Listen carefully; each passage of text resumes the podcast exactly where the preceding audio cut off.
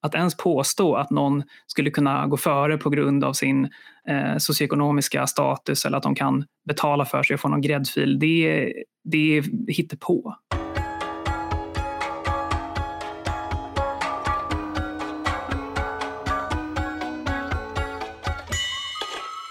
Hej och välkomna till Smedjan-podden. Jag heter Maria Eriksson och eh, med mig idag så har jag min kollega här på Smedjan, Tobias Samuelsson, som har fortsatt att granska Hyresgästföreningen. Och det är, skulle jag vilja säga, både en ganska absurd och i, på något sätt underhållande historia om Hyresgästföreningen i västra Sverige, som under två år haft en ordförande som är trotskist. Men först så ska vi prata om vård och nyliberalism. Och med mig så har jag Emanuel Örtengren som är ansvarig för Timbros välfärdsprogram. Hej Emanuel! Maria, kul att vara här. Kul att ha dig här. Ja, det går ju sådär för ekonomin just nu men det är ju verkligen högkonjunktur för de som vill utropa nyliberalismens död. Ehm, det har ju kommit ganska mycket kritik mot nyliberalism i diverse debattartiklar de senaste dagarna. Och om jag ska försöka sammanfatta den så låter det väl ungefär så här. Människor dör eller kommer att dö och det är nyliberalismens fel. Är det inte så? Jo, det är ungefär så kritiken låter och den är ju missvisande på många sätt, vilket vi kommer komma in på senare i den här podden. Men eh, om jag skulle börja lite mer generellt då, hur nyliberal är den svenska vården egentligen? Svenska vården är ju snarare en planekonomi eh, och eh, jag kan ju börja då med att verkligen definiera begreppet planekonomi så att eh, lyssnare inte tror att jag bara raljerar. Så att en planekonomi är ju ett system där det offentliga planerar och styr ekonomin genom politiska och administrativa riktlinjer. Och eh, regionerna är ju de som styr svensk sjukvård idag, det är de som är huvudmännen. Och eh, de har ersättningssystem som är kopplade till produktion snarare än till utfall och politiker som detaljstyr verksamheten. Det vill säga flera tecken på en planekonomisk struktur. Men man tilldelas pengar utifrån hur sjuka patienter man har snarare än hur friska de blir? Ja, precis. Det, det är väl en, en ganska rättvisande beskrivning. Eh, och jag tycker att man, man, skulle kunna, nu är det mycket prat om att istället för att ha en, en väldigt eh, mål och resultatbaserad styrning, vilket jag i grunden tycker är bra, eh, därför att det vi hade innan med eh, väldigt lite insyn i hur vården fungerade, eller välfärdstjänster generellt för den delen, eh, det gjorde ju att människor kände väldigt mycket vanmakt. Och det var ju det som ledde till till exempel böcker som P.C. Jersilds Babels hus som kom på 70-talet och sen blev en jättepopulär serie i Sverige i början av 80-talet.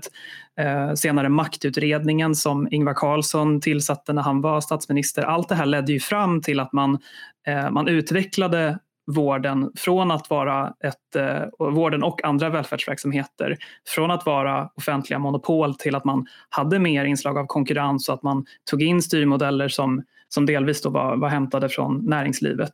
Eh, och det, det gjorde vården bättre på vissa sätt men man ska ju också eh, inse att eh, professionernas, alltså vårdpersonalens inflytande har ju, ja del, delvis så har det ju eh, urholkats och jag menar inte att det här är något eh, fel i liksom den grundläggande konstruktionen, att man, man har vissa nyckeltal och så, alltså, eller mål som man, man styr verksamheten mot, utan problemet är kanske snarare att man inte har kompletterat det med mer kvalitativa bedömningar. Jag tycker det var intressant det här eh, exemplet du tog upp med eh, Babels hus. Alltså nu är ju varken du eller jag tillräckligt gamla för att komma ihåg hur vården var på, på 70 och 80-talet men det är ju inte så att det inte fanns någon, någon kritik då mot väldigt stora och byråkratiska eh, eh vårdinrättningar där, där patienten hade väldigt lite att säga till om och så vidare.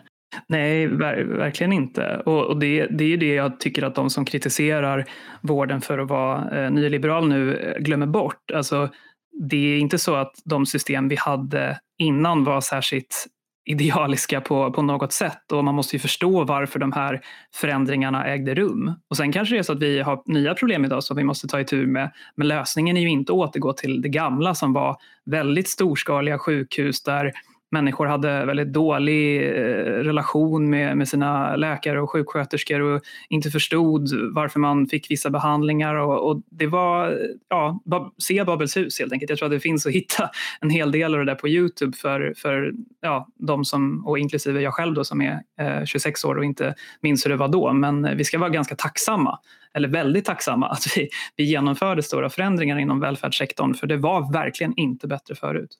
Och det ledde ju då till att det fanns ett tryck för att, att genomföra ett antal reformer. Ibland så pratar man ju mer liksom allmänt då, kanske ofta kritiker, att, att vården har privatiserats men i, vilken stor, i hur stor utsträckning kan man prata om att vården har privatiserats i Sverige?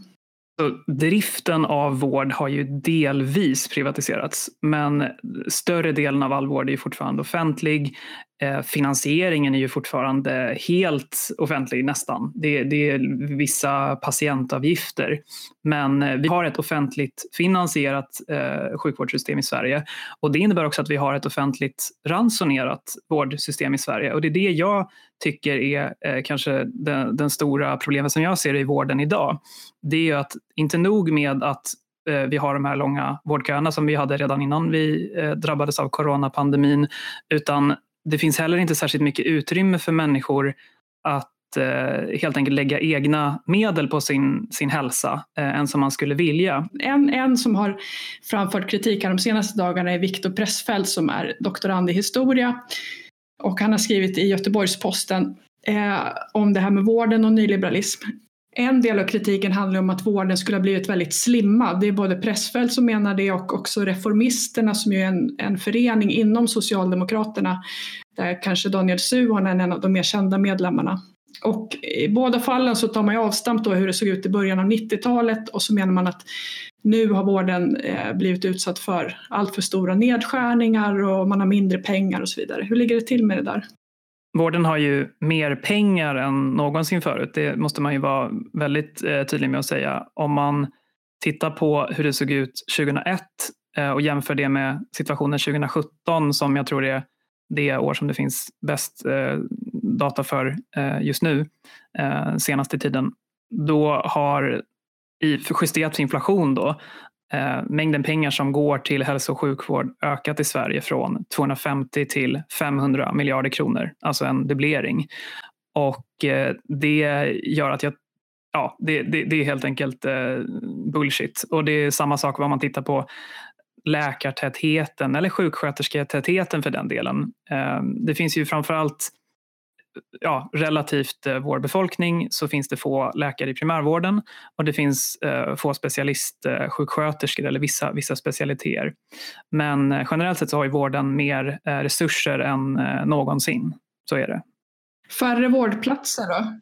Ja, precis. Det, det var en annan del av, av kritiken. Och den första förklaringen är en omorganisation av sjukvården som genomfördes 1992 som eh, kallas för ädelreformen när kommunerna tog över ansvaret för äldrevården. Så att istället för att vi har äldre som i högre utsträckning vårdas på sjukhus så vårdas de på, eh, på särskilda boenden. Och det kan jag tycka eh, är väldigt klokt, särskilt så här i eh, corona och smittspridningstider därför att det, det, finns ju inget egenvärde i att ligga på sjukhus. Många drar ju till och med på sig vårdrelaterade infektioner på sjukhus så då är det mycket bättre att man har folk på, på äldreboenden i, istället i högre utsträckning.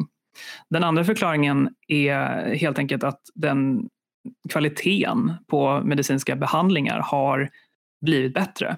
Det är, eh, man kan göra till exempel mer dagkirurgi så att man inte behöver lägga in patienter över natten utan eh, man, kan ja, vårda folk snabbare och se till så att de inte behöver ligga på sjukhus.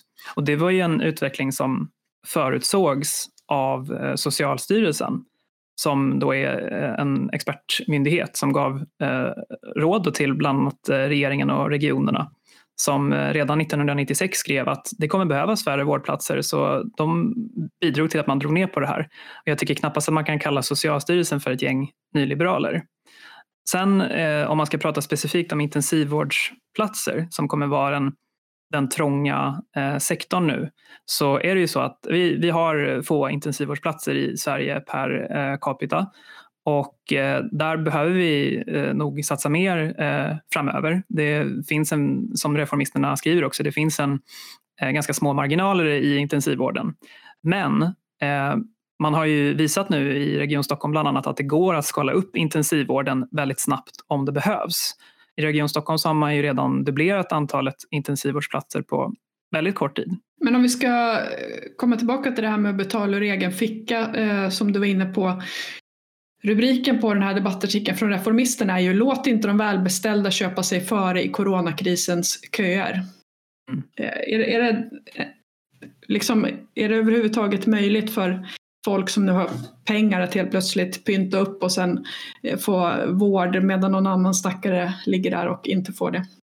Det är en lögn och det var det jag var mest upprörd över i hela artikeln faktiskt. Det är ett rent faktafel och eh, jag tycker att eh, antingen så är de omedvetna om det och passar bara på att köra en retorik som passar dem eh, eller så har DN inte kollat upp det där men det är ju faktiskt ren och skär lögn. Därför att det, de, det jag antar att de syftar på det är att 700 000 svenskar har privata vårdförsäkringar och de allra flesta får ju de eh, sponsrade eller betalda då via sin eh, fackförening faktiskt eller eh, sin arbetsgivare.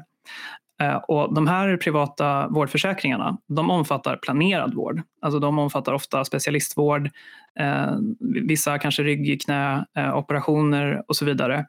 Men de omfattar inte primärvård, de omfattar inte akutvård och de omfattar inte intensivvård, vilket som sagt var kommer bli den trånga sektorn under coronakrisen. Så det finns alltså inga möjligheter att köpa sig förbi i någon coronakö. Men att påstå, att ens påstå att någon skulle kunna gå före på grund av sin eh, socioekonomiska status eller att de kan betala för sig och få någon gräddfil, det, det är hittepå. Det är kanske lite tidigt i det här läget, men har du själv dragit några slutsatser, eh, någonting man kan lära sig av den här krisen eller några reformer som du skulle vilja se framöver? Ja, det är lite tidigt, det är det. Ehm, jag tror en sak som eh, det ändå har blivit diskussion kring, det är ju nätläkarnas roll. Eh, och jag tror att nu ser vi verkligen nyttan av den den digitala vården. Eh, den, eh, den kan ju verkligen hjälpa i ett läge som det här när man helst inte vill att folk som är hostiga eller har andra symptom ska, ska gå till vårdcentralen. Eh, men den stora frågan kommer bli hur införlivar vi den digitala vården i de befintliga systemen? Det har varit väldigt mycket bråk mellan nätläkarföretagen och vårdcentraler därför att nätläkarna får helt enkelt en del av vårdcentralernas budget. När en person som är skriven på en vårdcentral går till en nätläkare istället så dras det beloppet från eh, vårdcentralen där patienten är skriven och man kan inte skriva sig hos eh, nätläkare. Så jag tror att den diskussionen kommer komma igång eh, igen men jag tror att inställningen till nätläkare eh, kommer nog vara mer positiv i grunden än vad den har varit innan. Ja, det är väl en av de positiva sakerna med den här krisen att eh, man verkligen börjar värdera olika digitala tjänster oavsett om det nu är inom vården eller skolan eller eh, olika eh, leveranstjänster eller, eller vad det kan vara. Det sista medskicket som jag, som jag verkligen vill få med är att många av de här reformerna som vi har genomfört, till exempel avregleringen av apoteken, det har gjort att Sverige står starkare rustat idag för coronapandemin än vad vi hade varit annars. Och eh, jag tror att liberaler eh, har sina hemläxor att göra, absolut. Men eh, vi ska vara stolta över det som har åstadkommits också. Och eh, när vi ser framåt nu så hoppas jag att eh, lösningen på allting inte bara blir förstatliganden av vården eller så, eller mer lagerhållning eller så vidare, utan också hur vi kan ta vara på den här innovationskraften som finns i den privata sektorn där nätläkarna bara är ett exempel. Ja, vi får verkligen hoppas det. Eh, den här debatten lär fortsätta. Stort tack Emanuel för att du eh, var med och pratade om detta i Smedjan-podden. Tack så jättemycket. Och nu så byter vi ämne till Hyresgästföreningen. Och med mig så har jag alltså min kollega Tobias Samuelsson. Hej Tobias! Hej! Ja, eh, du har ju eh, skrivit ett par reportage för Smedjan där du granskar Hyresgästföreningen. Kanske först bara skulle säga någonting om det första reportaget som du skrev. Vad handlade det om? Eh, lite kort. Mm. Det första reportaget som jag skrev handlar ju om eh, Trollhättan eh, och det handlar väl dels om Hyresgästföreningen men det handlar ju också om det allmännyttiga bostadsbolaget där och vad ska man säga, hyresförhandlingar i en, i en större kontext eh, med fokus på eh, en person som heter George Ali som startade en konkurrerande hyresgästförening.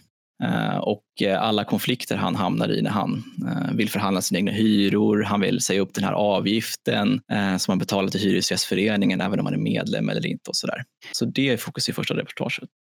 Precis, och eh, det reportaget kan man ju förstås läsa i Smedjan men vi har också spelat in en, ett poddavsnitt med dig tidigare eh, där du berättar mer om det här. Mm, precis. Och nu så fortsätter du då granska Hyresgästföreningen och eh, häromdagen så publicerades en, en ny text och den inleds med ett citat som är så här. Hyresgäströrelsen ska företräda oss hyresgäster men har förvandlats till en arena för ett litet sekteristiskt kommunistparti. Ja, vad handlar det här om Tobias?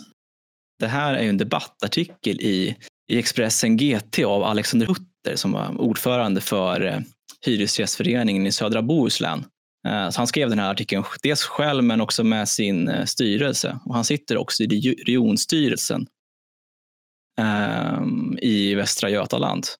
Och det var egentligen det här som fick mig intresserad av vad som händer i Hyresgästföreningen Västra Sverige.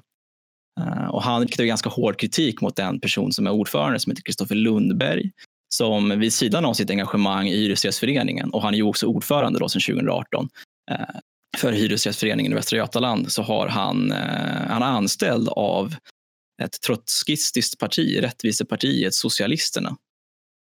Och han jobbar på deras tidning Offensiv.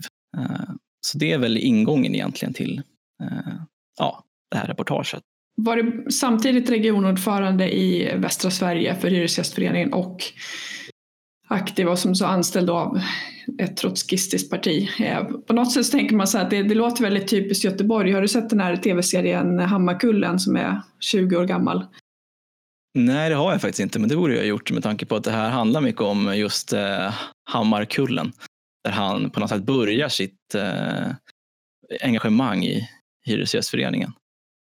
För den kom ju, jag tror det är ungefär 20 år sedan, det är en tv-serie av, av Peter Birro som utspelar sig i, i Hammarkullen eh, och eh, utanför Göteborg. Och, och där är, finns ju en figur som är eh, en pappa som är sån här gammaldags råkommunist som har foto av Stalin på väggen och han har döpt sin son till Josef och så vidare. Och, eh, det, det känns lite som att det är lite sådana vibbar man får av det här Ja, med skillnaden då att, eh, att det som gör de här trotskisterna till, eller i alla fall, alla fall att de ser sig själva som rätt snälla är att de är, att de är, att de är mot Stalin. Eh, och eh, Trotskij blev ju trots allt mördad av Stalin. Så det är väl det som är deras, deras snälla sida så att säga. Kanske finns utrymme för, för en konkurrens här då med andra kommunister. Ja, och det, är väl, det har alltid funnits. Det är väl därför det finns så många sådana här partier. Det är ett ganska litet parti det här. Det finns ett annat trotskistiskt parti också som heter Socialistiska partiet som de inte kommer överens om. Eh, Precis, splittringen var bra och nödvändig. Ja, men lite så. Som brukar heta. Men eh, ska vi, ska vi eh, prata lite mer om den här Kristoffer Lundberg då och kan du inte berätta lite vad han har för sig eller ta något exempel? Ja, exakt. Alltså, han börjar ju sitt engagemang i en sån lokalförening som man har i Hyresgästföreningen just i Hammarkullen. Eh, och hade, han säger till exempel i en intervju med Proletären som är kommunistiska partiets eh, tidningsorgan är att han såg att de här lokalföreningarna de arrangerade ju mest sociala aktiviteter, resor till eh, Ullared och sådär. Men det var inte det som intresserade honom utan han ville ju eh, som han säger, ta tillbaka Hyresgästföreningen till rötterna. Att Hyresgästföreningen ska vara en kamporganisation Eh, så det han jobbar med i den här föreningen är till exempel att ehm, starta protester mot eh, en lokal privat fastighetsägare där som de tycker har misskött sig med renovering och grejer. Eh, driver på för att man ska kommunalisera det här bolaget. Och på ett sätt så, så funkar väl det här ganska bra. Alltså man, dels så slutar det faktiskt med att kommunfullmäktige bestämmer sig för att de fattar beslut om att de ska försöka köpa tillbaka det här de här fastigheterna och det gör man sen också 2015. Men framför allt så eh, eh, det som utmärker honom är väl att han eh, lyckas engagera människor lokalt. Det gör också att han blir ordförande sen för den här större föreningen som samlar massa lokala föreningar i Angered. Där är han faktiskt fortfarande ordförande. Han har varit det samtidigt som han har varit regionordförande. Och sen blir han då ordförande för Hyresgästföreningen i regionen. Men han har kombinerat det här engagemanget med ett långt, ett längre än vad han har varit med i Hyresgästföreningen engagemang i Rättvisepartiet Socialisterna där han jobbar som skribent på deras tidning Offensiv. Eh, och ibland kanske det är svårt att, liksom, och det är väl också det som är med anklagelsen, att han blandar ihop de här engagemangen. Alltså det är svårt att se vem som är avsändare. Redan de här protesterna mot det här bostadsbolaget så det är ibland svårt att veta om det är Hyresgästföreningen eller om det är Rättvisepartiet Socialisterna som är de stora, de som kritiserar och leder den här kampanjen. Och den här eh, Hyresgästföreningen i västra Sverige, den är ju, de har ju ganska många medlemmar. Ja, det här är ju en stor organisation. Alltså, man ska tänka sig att eh, Hyresgästföreningen har ju över en halv miljon medlemmar och bara i eh, västra Sverige då, som är det Göteborg och sen är det ett antal kranskommuner runt omkring där, samlar ungefär 70 000 medlemmar. Men de förhandlar ju också hyrorna för i princip 90 procent av alla hyresgäster. Så det är flera hundratusen hyresgäster som Hyresgästföreningen förhandlar hyrorna för. Så det här är ju en stor organisation. Ja, det är liksom ingen liten eh, struntförening. Nej, och det är väl också det som har intresserat mig för det här. Alltså, man kan läsa om de här konflikterna. Eh, för det är väl också det, den här debattartikeln Eh, är ju någon start på något sätt, i alla fall vad som diskuteras utåt. För det som händer i februari sen är ju att Hyresgästföreningen, alltså förbundet, går in och eh, mm, ganska drastiskt då tar över eh, tar över regionen liksom, eh, så att säga. Så, så sätter styrelsen i princip i karantän. Att de, inte, de har inte tillgång till ja, de får inte besluta längre, varken och ingen makt över ekonomi eller någonting då, tillfälligt. Det man hävdar då att det har varit ekonomiska oangelägenheter i, i den här Angeredföreningen då, som han dels har varit ordförande för, men också då, han har ju varit ordförande för eh, distriktet. Då, så att han har ju ett inflytande på det sättet. Eh, men han menar ju att det här är ju eh, politiska skäl till, eh, till det här. Ja, vi kanske inte ska gå in så mycket på alla detaljer utan jag tror att eh, lyssnarna här får, får läsa det här reportaget själva. Men jag tyckte ändå det här eh, exemplet som du tar upp när han har uttalat sig om, om Venezuela var ganska eh, rolig illustration. Liksom. Kan du inte bara dra det? Ja, men det är också de här anklagelserna från han Alexander Hutter då, att han ska ha eh, stött eh, Venezuela, eh, alltså regimen där. Och eh, det är ju en sanning med modifikation, för han kommenterar det här då i Hyresgästföreningens tidning Hem och Hyra där han, han i princip säger då att, eh, att regeringen i Venezuela inte har gått tillräckligt långt med socialiseringen. Jag kan ju dra det här citatet där, för det är ganska roligt att läsa eh, mm. i sin absurditet. Venezuela befinner sig i en situation av revolution och kontrarevolution. En fascistisk högerkupp försöker tvinga bort den demokratiskt valda regeringen med imperialistisk inblandning. Jag är kritisk mot Maduro, men min kritik riktar sig mot att regeringen bevarat kapitalismen och administrerar den istället för att genomföra revolutionen fullt ut. Ja, och det så han uttryckte sig då i Hem och hyra. Ja, och då är det ju lite otydligt då liksom vilken, eh, vilken hatt han har på sig ibland. Eh, men jag tycker det här leder ju in till, till de frågor som du sen avslutar reportaget med. Alltså, vilka krav ställer Hyresgästföreningen på sina företrädare? Eh, kan man, går det att representera ett revolutionärt kommunistiskt parti och sen eh, å andra sidan då företräda Hyresgästföreningen och väldigt många medlemmar. Ja, och det är väl det som är intressant, just också med eh, den här karantänen då som styrelsen är satt i och framför allt med fokus då på Kristoffer Lundberg som har varit ordförande för den här Angeredföreningen, att han anklagas ju för alltså ganska grov, grova anklagelser kring eh, ekonomiska oangelägenheter. Att till exempel ska han ha attesterat massa fakturor eh, som han inte ska få attestera. Eh, de har beställt massa massa reklamkampanjer och grejer för hundratusentals kronor eh, som inte verkar vara några reklamkampanjer. Och de menar att de är utsatta för ett bedrägeri och så vidare. Men fokus är ju eh, från Hyresgästföreningen just från, på det här ekonomiska, alltså att han har misskött sig ekonomiskt. Eh, men det är ju inget fokus. De får till och med frågan Marie Linde som är ordförande för Hyresgästföreningen att eh, om det har politiska skäl. Eh, hon säger att uttryckligen att det har inte några politiska skäl och det här har ju varit återkommande hela den här processen. För så här, hur blir man då vald till en sån tung post som regionordförande när man har den här politiska bakgrunden. Eh, och det säger ju valberedningen, det här är ju uppe flera gånger, då. Alltså det är ju inte okontroversiellt någonstans, det diskuteras ju. Men det som valberedningens ordförande till exempel säger att, eh, att man tar inte hänsyn till politiska åsikter. Eh, och det är ju intressant för Hyresgästföreningen säger sig ju vara en politiskt obunden organisation.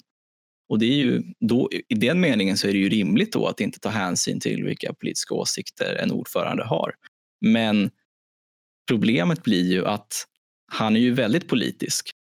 Så det är, ju en, det är ju en politisk fråga verkligen. Vilken politisk inriktning kommer man driva som, eh, som lokalt? Liksom. Och det är ju väldigt tydligt att man har drivit en väldigt politisk agenda.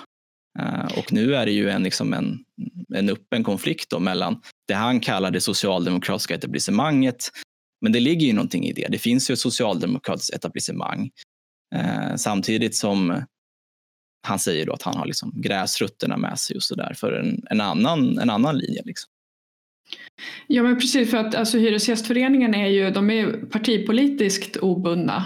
Eh, men, men de driver ju politiska frågor eh, som, som rör då eh, hyresmarknaden.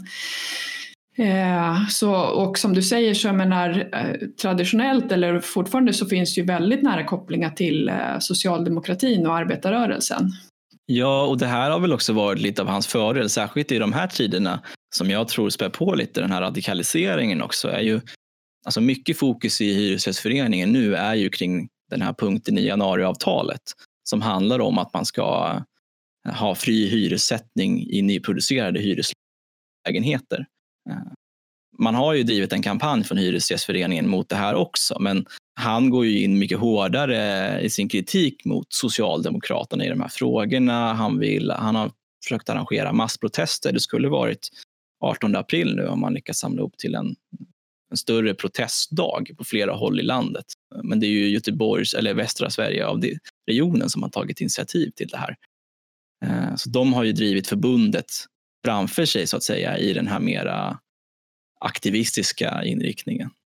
Ja, så på ett sätt kanske det är lite uppfriskande med en trotskist då istället för en socialdemokrat som omväxling. Ja, men det finns väl uppenbarligen någonting där. Det finns ju skäl till att han har det här starka förtroendet och trots att, då att han sitter i den här äh, karantänen som man kan säga, då, trots att revisorerna sa att nej, vi kan inte bevilja, vi kan inte bevilja styrelsen ansvarsfrihet i Angeredföreningen där han är ordförande. Så, så struntar då årsmötet i det här bara för några veckor sedan eh, och beviljar styrelsen ansvarsfrihet och ger Kristoffer Lundberg förnyat förtroende som ordförande i eh, Angeredföreningen. Så att uppenbarligen så, har ju, så finns det ju någonting i det här som det är fler, det är många som sympatiserar med det här eh, i Hyresgästföreningen och det kanske också är vad ska man säga, Hyresgästföreningen nationellts problem att det finns ett stort förtroende lokalt. Eh, och det här då socialdemokratiska etablissemanget är inte de som styr längre. Men, eh, eller om jag säger så här, liksom, varför, det här, nu har du skrivit eh, några artiklar och du, du tittar väl på, på fler eh, saker som skulle kunna vara intressant att skriva om. Varför är det så viktigt att granska Hyresgästföreningen? För att det inte är så många som granskar Hyresgästföreningen. Alltså, det var ju det som jag var inne på tidigare, att Hyresgästföreningen är en organisation som är stor som ett större företag. Man har hundratals anställda, nästan en miljard i budget årligen. Men man har ju också någon form av semi-offentligt uppdrag. Alltså att man är ju både en ideell rörelse, men man har ju fått en maktposition som innebär att man i princip har monopol att förhandla hyran. Ja, man förhandlar väl hyror för, eh, vad sa du, nio av tio av alla hyresgäster i Sverige? Ja, precis. Och till exempel då, det här skriver jag om i den första artikeln, för det är ju en brännande fråga där, alltså kring att alla hyresgäster eh, som vars hyra som Hyresgästföreningen förhandlar, vilket då i princip alla betalar 12 kronor i månaden i en så kallad hyressättningsavgift. Det låter inte så mycket, men totalt blir det över 200 miljoner per år som går till Hyresgästföreningen. Så det är ju en sån väldigt tydlig eh, alltså maktposition som man har som är mer offentlig än ideell. Eh, och, och sen har man ju också eh, makt till exempel över utnämningar i hyresnämnden eh, som är de som avgör sådana hyrestvister, där man, eh, hyrestvister, där man är med i nomineringsprocesser och nominerar personer. Ja, det skulle ju vara rimligare liksom om eh, man har en förening som är väldigt politiserad oavsett om den är mer åt det socialdemokratiska hållet eller mer åt det trotskistiska hållet. Det skulle ju vara rimligare om det var en förening som var helt frivillig att vara associerad till men nu är det ju inte så enkelt utan ja, nästan alla hyresgäster är ju tvungna då att betala bidra till det här även om man ja. inte vill. Det är väl därför man behöver granska Hyresgästföreningen. Jag ska säga det att det finns ju en, en tidning som är väldigt bra på att skriva om Hyresgästföreningen eh, och det är faktiskt Hyresgästföreningens egna tidning Hem och Hyra. Och det är där man, jag har hittat väldigt mycket information om de här konflikterna och så vidare. Men man kommer ju inte ifrån att det är deras egen tidning, men de har ju ändå någon form av liksom journalistisk syn på det de skriver om. Liksom. Ehm, men det konstiga är att det är väldigt svårt att hitta alltså de här utomstående granskningarna. Det är klart man har skrivit lite i Göteborgs-Posten och sådär om, om det som händer lokalt i Hyresgästföreningen. Men det här är ju av nationellt intresse skulle jag säga, det som händer i en så stor, stor region. Eh, vad, vad håller du på att titta på nu? Vill du säga någonting om det? Om du har några no framtida granskningar på gång? Ja, men jag har ju fått in ganska mycket tips eh, när jag skrivit de här artiklarna. Eh, och det är ju alltså dels om bostäder eh, eller hyresmarknaden mer generellt. Eh, folk har kommit in med ganska mm, ja, absurda situationer de har hamnat i när eh, man brukar ju prata vad, vad är det som höjer en hyra och det är ju att man har en, alltså att det blir en standardhöjning. Och där har folk kommit in med ganska absurda exempel på vad, ja, vad som leder till de här standardhöjningarna. Men sen har jag också kikat lite på hur det ser ut i kommunerna med försörjningsstöd och sådär. För att det finns flera kommuner som betalar ut, ut försörjningsstöd utöver normen för medlemskap i Hyresgästföreningen. Och det här är något som Hyresgästföreningen har eh, drivit väldigt hårt och flera kommuner har gått med på den inriktningen. Vilket jag kan tycka är ganska konstigt att man betalar ut till en politisk organisation på det sättet. Ja, och har ni flera tips eh, på sånt som Tobias eh, borde titta närmare på så får ni såklart gärna mejla eh, till Tobias. Eh, Absolut. Om man nu känner att man inte vill vara en del av det här, vad gör man då? Ja, är man medlem så kan man ju gå ur, men det är ju inte så enkelt. Det var det som vi var inne på med den här hyressättningsavgiften, att Eh, och det handlar som sagt, vad mitt första reportage handlar om är ju just, kan man säga upp den här avgiften? Och det kan man ju faktiskt, att man, man kan mejla sin hyresvärd. Om man, om man har bott i tre månader så kan man mejla sin hyresvärd och säga att man vill säga upp den här eh, förhandlingsordningen då, som det kallas, som innebär att Hyresgästföreningen förhandlar ens hyra. Eh, och när den är uppsagd så ska man heller inte betala någon avgift. Eh, nu vet jag flera som har försökt göra det och det har inte gått så, eh, eh, så lätt som det kanske borde göra. Men i, som juridiken ser ut så ska man kunna säga upp den här förhandlingsordningen. Och om en hyresvärd inte accepterar det så, och accepterar att man får förhandla sin hyra själv så kan man ju också gå till hyresnämnden. Om det skulle vara så. Så det är någonting vi kan tipsa våra läsare om också att om ni känner att ni inte vill vara med och eh, finansiera den här eh, politiska organisationen så kan ni kontakta era, er hyresvärd och säga att ni vill eh, gå ur den här förhandlingsordningen. Och så får vi se om, om det lyckas. Om ni inte lyckas så kan ni också gärna eh, mejla till oss och berätta vilka reaktioner ni har fått. Absolut. Det var jättespännande att höra mer om det här Tobias. Tack för inbjudan. Ja, och eh, tack till er som har eh, lyssnat. Jag hoppas nu att ni går in och läser Tobias reportage här om hur en trotskist från Angered kunde bli ansvarig för att förhandla hyror för hundratusentals eh, medlemmar i eh, hyresgäster i västra Sverige. Eh, ja, tack och på återhörande.